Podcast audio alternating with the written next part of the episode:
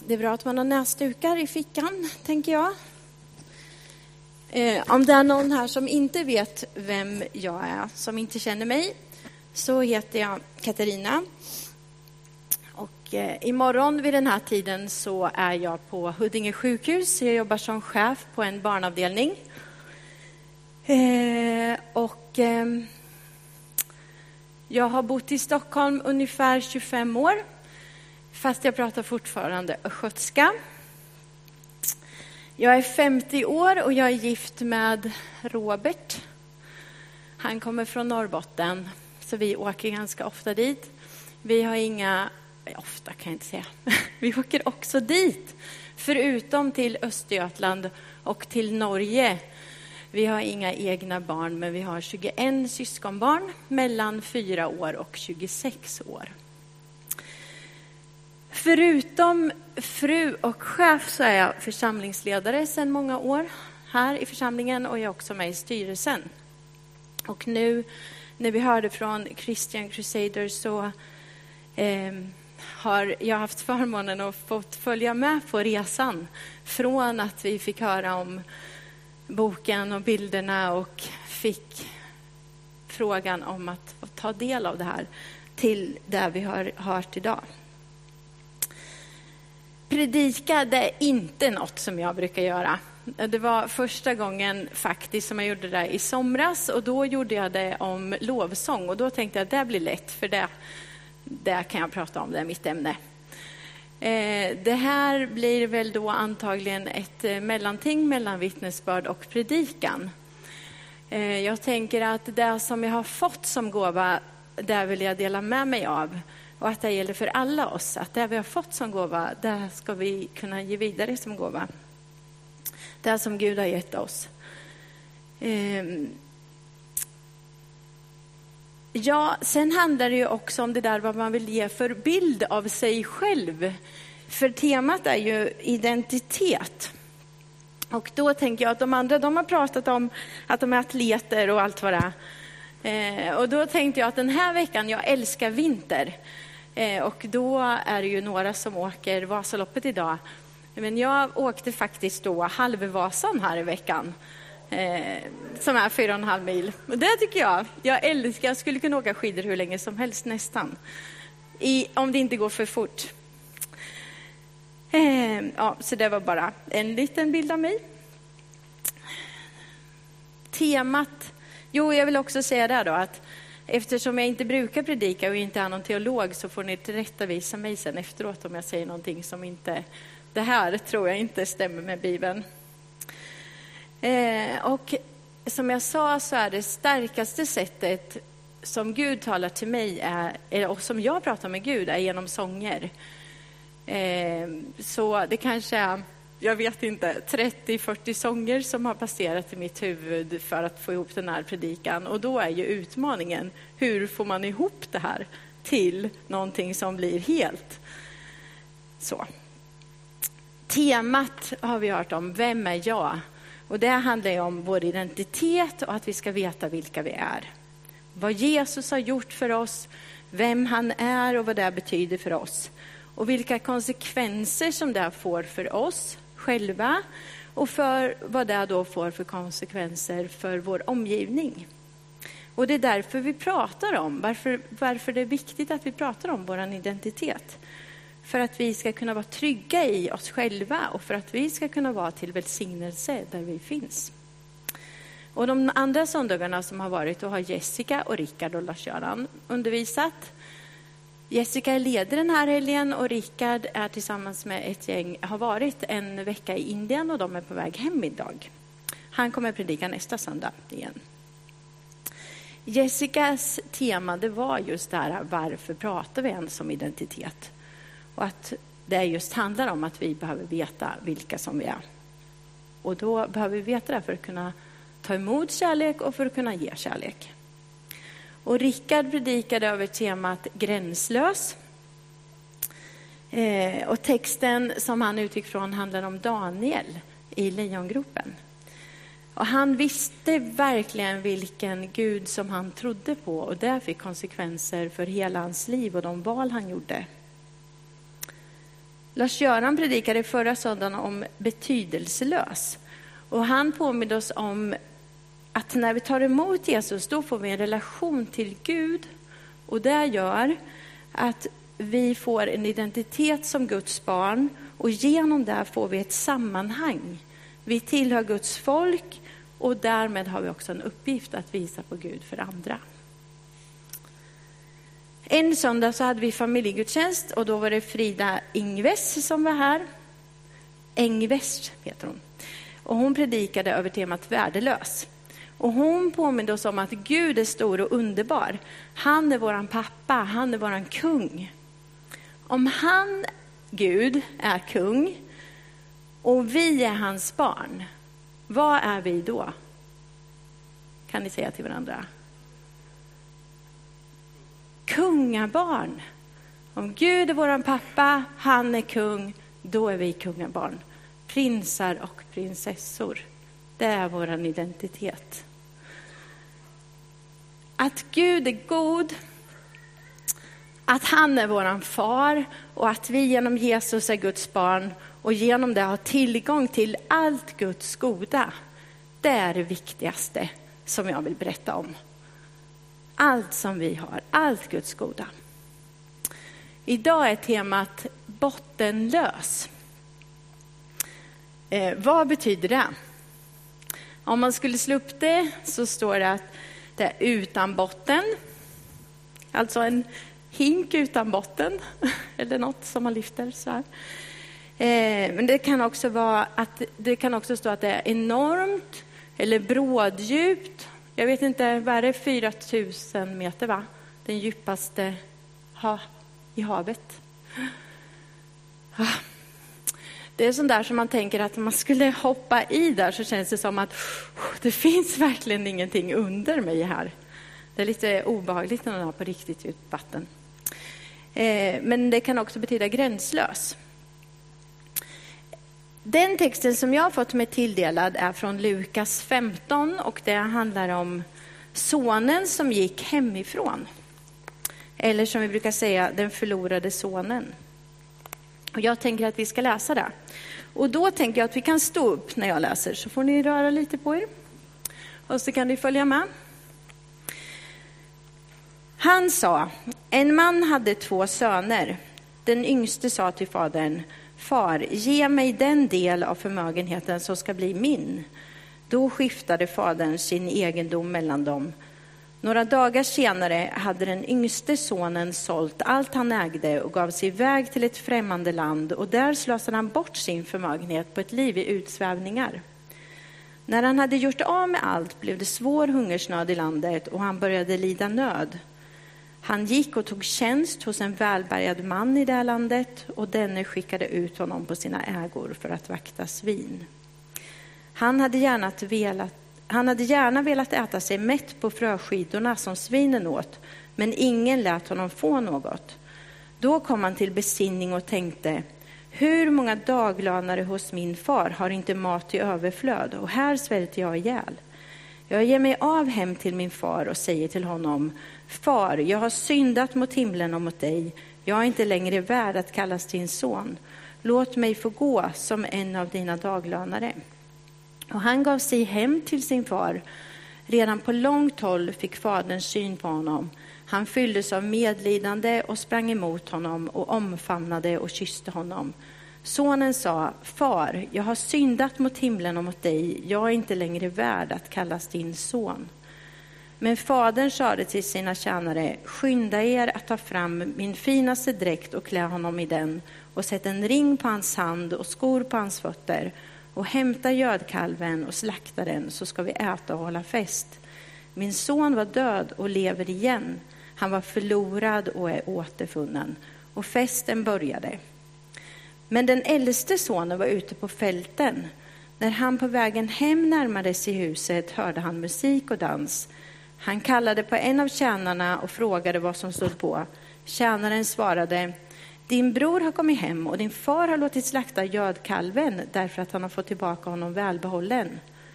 Då blev han arg och ville inte gå in. Fadern kom ut och försökte tala honom till rätta, men han svarade Här har jag tjänat dig i alla dessa år och aldrig överträtt något av dina bud och mig har du aldrig gett ens en killing att fästa på med mina vänner. Men när han kommer hem, din son som har levt upp din egendom tillsammans med horor, då slaktar du gödkalven. Fadern sa till honom, mitt barn, du är alltid hos mig och allt mitt är ditt. Men nu måste vi hålla fest och vara glada, för din bror var död och lever igen. Han var förlorad och är återfunnen. Vi kan be innan vi sätter er. Ja, Jesus, tack för att du vill berätta på olika sätt så att vi ska förstå vem du är, Gud. Så att vi kan lära känna dig och leva det liv som du har gett oss, överflödande mått. Tack för att du hjälper oss att förstå det ännu bättre idag. Amen. Varsågod och sitt. Jag tänker att det här är två perspektiv på bottenlös. Det handlar både om sonen som gick hemifrån, som hamnade i botten. Det, handlar, det är det ena perspektivet, att vara så långt man kan komma, ner så långt man kan komma. Men det handlar också om Faderns hus, om hemmet, om Faderns karaktär, att han är god och rik. Det är fullt av rikedom i det här huset. Och precis som de andra predikningarna så handlar den här predikan också om vår identitet. Och vår identitet den formas under tiden vi växer upp. Eh, den formas av vilka föräldrar vi har och av andra, av de sammanhang som vi finns i. Och för många av oss så, så är det, påverkar det också det hur vår gudsrelation blir. Så jag tänker börja prata om det här hemmet då det rika hemmet. Och lite om mig själv i den. Jag växte upp i Kisa som jag sa och pappa hade ett eget företag med skogsmaskiner. Han jobbade mycket och vi fick hjälpa till med allt möjligt. Och både min pappa och min mamma lät oss att pröva på alla möjliga saker. De visade att de hade förtroende för oss. Eh, och då tänkte jag, eftersom Crusaders här, så kan man ju visa lite sådana här eh, maskiner kanske. Det här är en trailer som man kan transportera skogsmaskiner på. Eh, och det här är min brorsa, det här är inte så nyligen, men ja. En dag så sa pappa till mig, då var jag kanske, det här är säkert snart 20 år sedan. Eh, jag hade jobbat som sjuksköterska, jag var inte, jag har körkort men inte lastbilskort. Då sa han så här, att jag skulle hoppa in i trailern och backa upp den längs ladugårdsväggen. Eh, och jag hade inte kört lastbil, men jag frågade pappa, är det något som jag ska tänka på? Och då sa han, jag bara liksom dra ut stoppknappen. Okej, okay, så jag, och sen hoppade jag upp och så backade jag ut den där trailern längs ladugårdsväggen. Och då när jag hoppade ur, då säger pappa, jag trodde aldrig du skulle göra det. Men för mig så var det självklart, därför att när min pappa sa någonting till mig som han då, då visade han att han trodde att jag skulle klara det. Och då trodde jag att jag skulle kunna göra det. Och det handlar om tillit och om förtröstan. Att lita på att det Gud har sagt, det är sant. Och att det gäller. Om jag litar på någon, då känner jag mig trygg. Och tvärtom. Om jag känner mig trygg så ger det tillit. Bra, ta bort. Jag hade en en bra uppväxt på många sätt. Men, men det spelar ingen roll i relation till min relation med Gud. Då händer någonting med oss, då får vi en ny identitet oavsett vad vi haft med oss från tidigare. Och det är det bibelordet som Olof läste för oss från Andra Korintierbrevet 5 och 17. Att i Kristus har vi en ny skapelse. Det gamla är förgånget och något nytt har kommit. Våra tidigare erfarenheter kan hjälpa oss eller var svåra för oss att hantera. Men det spelar ingen roll när vi får vår nya identitet som Guds barn. Och då får ju det de konsekvenserna att vi är rika och vi kan vara till välsignelse, vi kan förmedla kärlek, tro och hopp.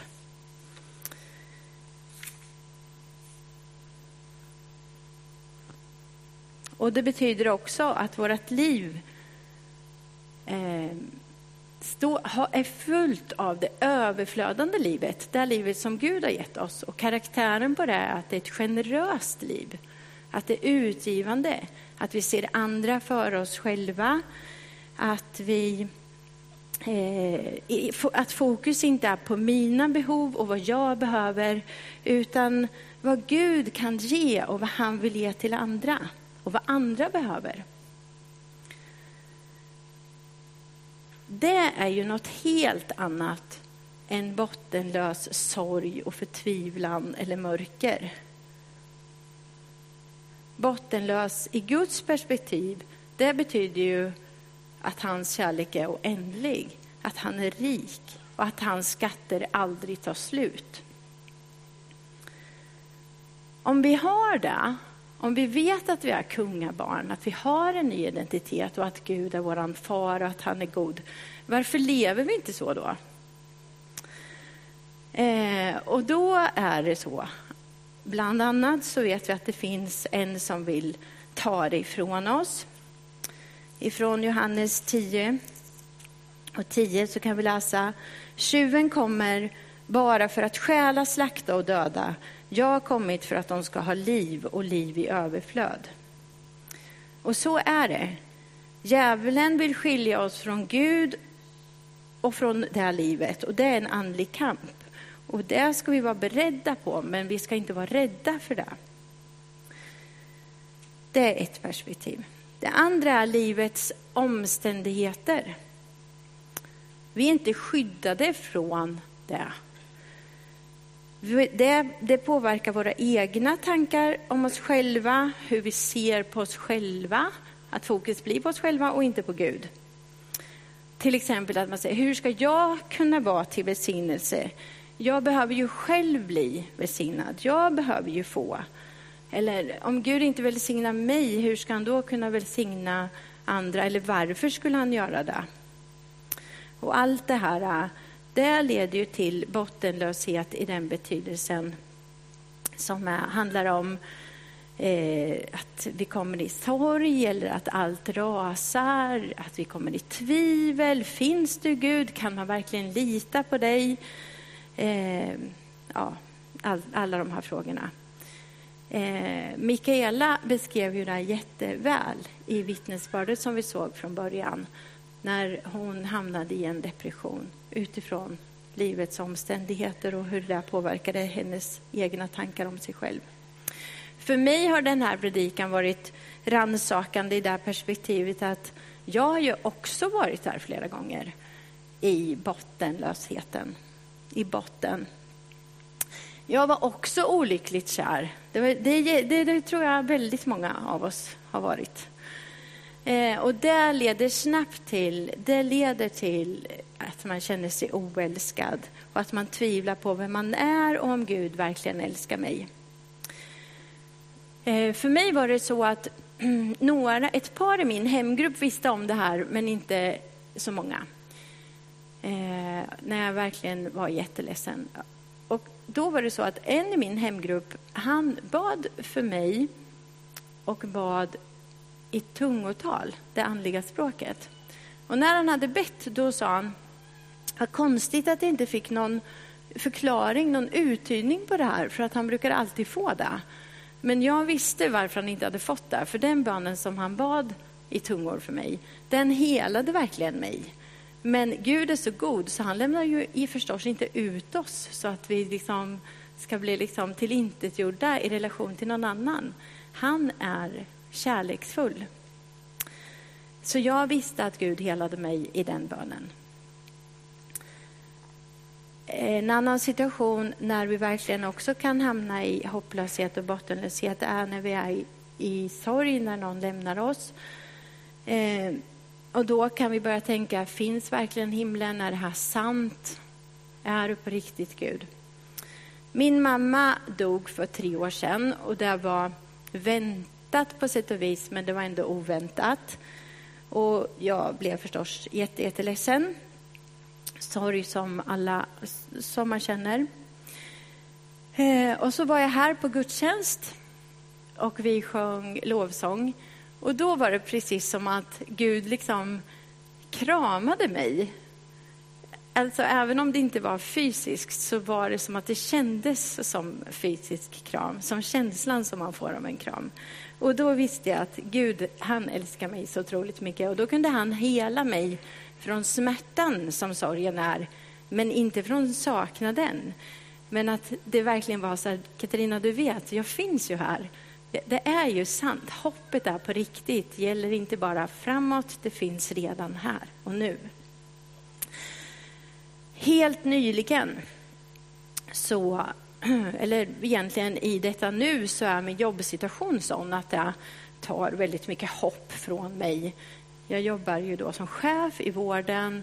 Det är jättestor brist på sjuksköterskor som vill jobba inom akutsjukvård. Eh, och det var precis för några veckor sedan som att jag liksom bara, det här, det, vårt samhälle kommer gå under. Vården funkar inte, skolan funkar inte, ingen vill bli lärare, Inga vill jobba i äldreomsorg. Jag blev liksom bara tappade liksom tron på oss. Så. Eh, och kunde också uttrycka det till Gud. Och då kom Elisabeth, som sitter långt bak och som är med i styrelsen. Eh, och vi hade haft årsmöte här och så när vi avslutade där så kom Elisabeth och sa Gud väckte mig i natt och påminde mig om att jag ska be för Karolinska sjukhuset.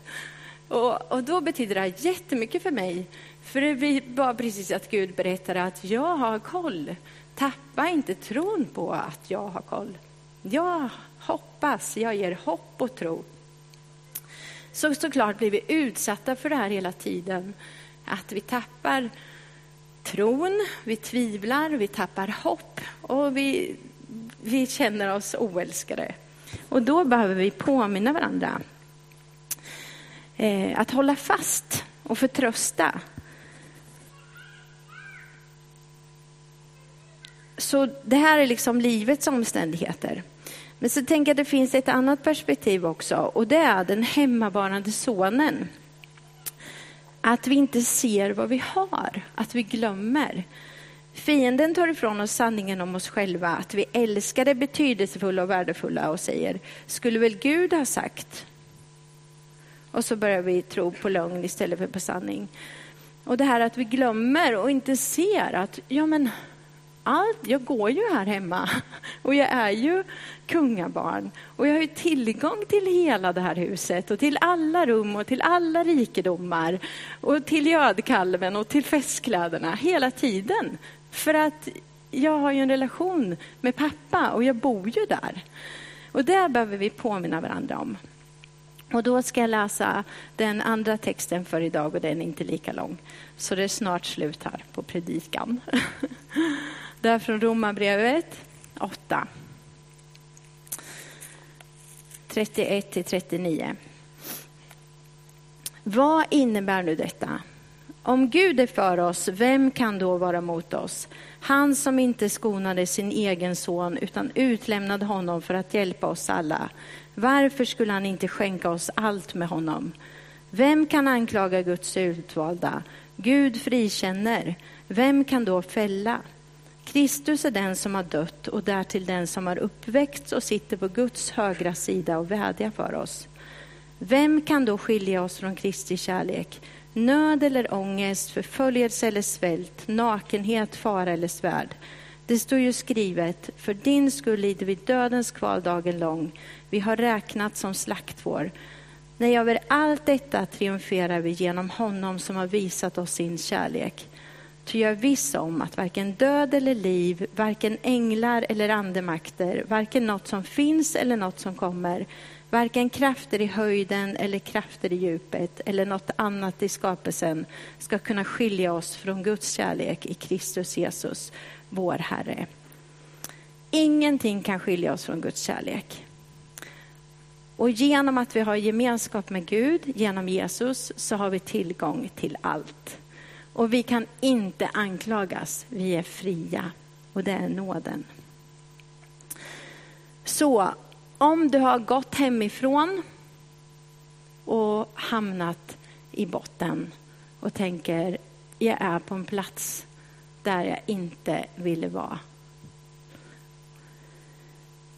Vet att Gud älskar dig. Han har en plats som är helt annat perspektiv, som är mycket mer rikt. Och det som du behöver göra är att vända om och gå till den platsen. Lita på att Gud är en god Gud och att han tar emot dig med öppna armar. Om du är hemmason och inte har fattat vilket hus som du lever i, vilka tillgångar du har, så börja och lev i det. Var inte arg eller besviken, utan säg till Gud att okej, okay, jag fattar, jag förstår att allt det här goda finns hos dig. Allt mitt, allt ditt är mitt. Vi är kallade till att vara till välsignelse, att leva ut Guds goda och att kunna leva ut det överflödande livet. Ska vi be? Tack Gud för att du älskar oss otroligt mycket. Tack för att du är en god Gud, du är en kärleksfull far. Tack för att du är rik. Jesus, tack för att du är kungars kung och herrars herre. Du har besegrat döden, du har besegrat sorg, ondska, du har besegrat sjukdom. Tack för att allt finns hos dig. Tack för att din kärlek och dina skatter, det är bottenlöst. Det tar aldrig slut. Det är överflödande liv. Tack för att vi får, oavsett var vi befinner oss, vända om och komma till dig och följa dig och lita på sanningen om dig och om oss själva. Amen.